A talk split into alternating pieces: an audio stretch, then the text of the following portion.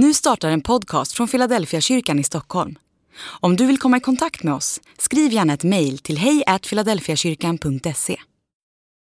Dag 335 Bön En gång hade Jesus stannat på ett ställe för att be. När han slutade sa en av hans lärjungar till honom Herre, lär oss att be liksom Johannes lärde sina lärjungar. Då sa han till dem, när ni ber ska ni säga Fader, låt ditt namn bli helgat. Låt ditt rike komma. Ge oss var dag vårt bröd för dagen som kommer. Och förlåt oss våra synder, ty också vi förlåter dem som står i skuld till oss. Och utsätt oss inte för prövning. Lukas kapitel 11, vers 1-4. Vår far, eller Fader vår. Inledningen beror på vilken version av bönen du känner till. Det viktiga är inte ordningen på orden, utan själva orden. De första orden i bönen talar om vem det är vi ber till. Vår far.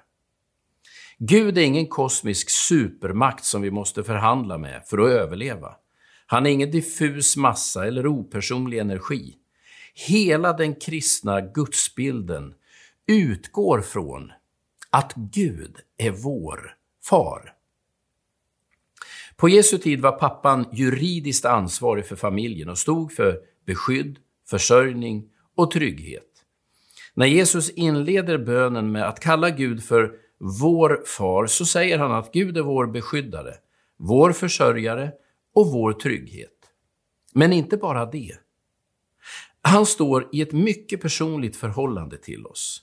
Det finns ett släktskap och en sorts intimitet i förhållandet mellan oss och Gud som bäst beskrivs med termer från familjelivet. Det är därför kristet böneliv inte är bundet av formulär eller ritualer.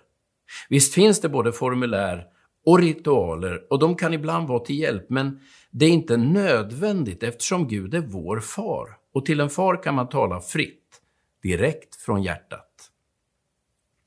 Man behöver inte en ansökan i tre exemplar som är ifyllda på rätt sätt för att överhuvudtaget få kontakt.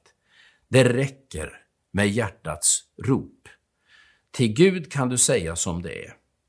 Öppna ditt hjärta som ett barn och låt Gud veta vad du bär på.